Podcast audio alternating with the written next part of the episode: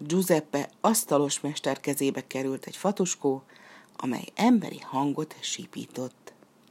Réges-régen, a földközi tenger partján, egy kis városkában élt egy Giuseppe nevű öreg asztalos mester, akit kékórúnak is csúfoltak. Egyszer a keze ügyébe került egy fatuskó, afféle közönséges fatuskó, amilyet télen fűtésre szoktak használni. Szép kis darab, mondta Giuseppe önmagának. Valamit lehetne belőle faragni. Hmm, például asztallábat. Giuseppe feltette madzaggal megerősített ocska pápa szemét, megforgatta a fatuskót, és kisbaltájával elkezdte farigcsálni. Alig, hogy hozzákezdett, valaki rendkívül vékony hangon felsikított. Jaj, jaj, mit művel velem?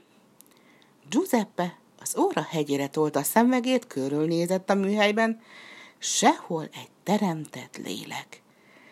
Egy pillantás a gyalupad alá, senki. Belekukkantott a gyaluforgáccsal teli kosárba, ott sem látott senkit. Kidugta a fejét az ajtón, és az utca is néptelen volt. Képzelődtem volna, gondolta Giuseppe, kisipíthatott.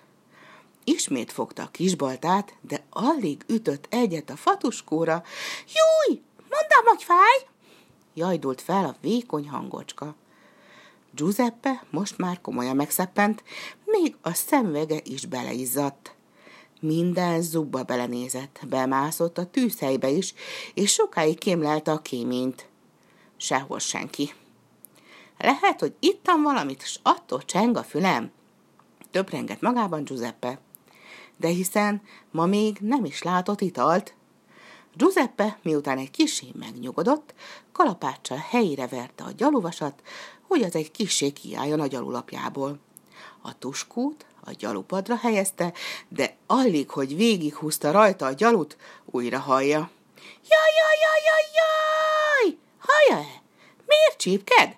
sikított a kétségbe esett vékony hangocska.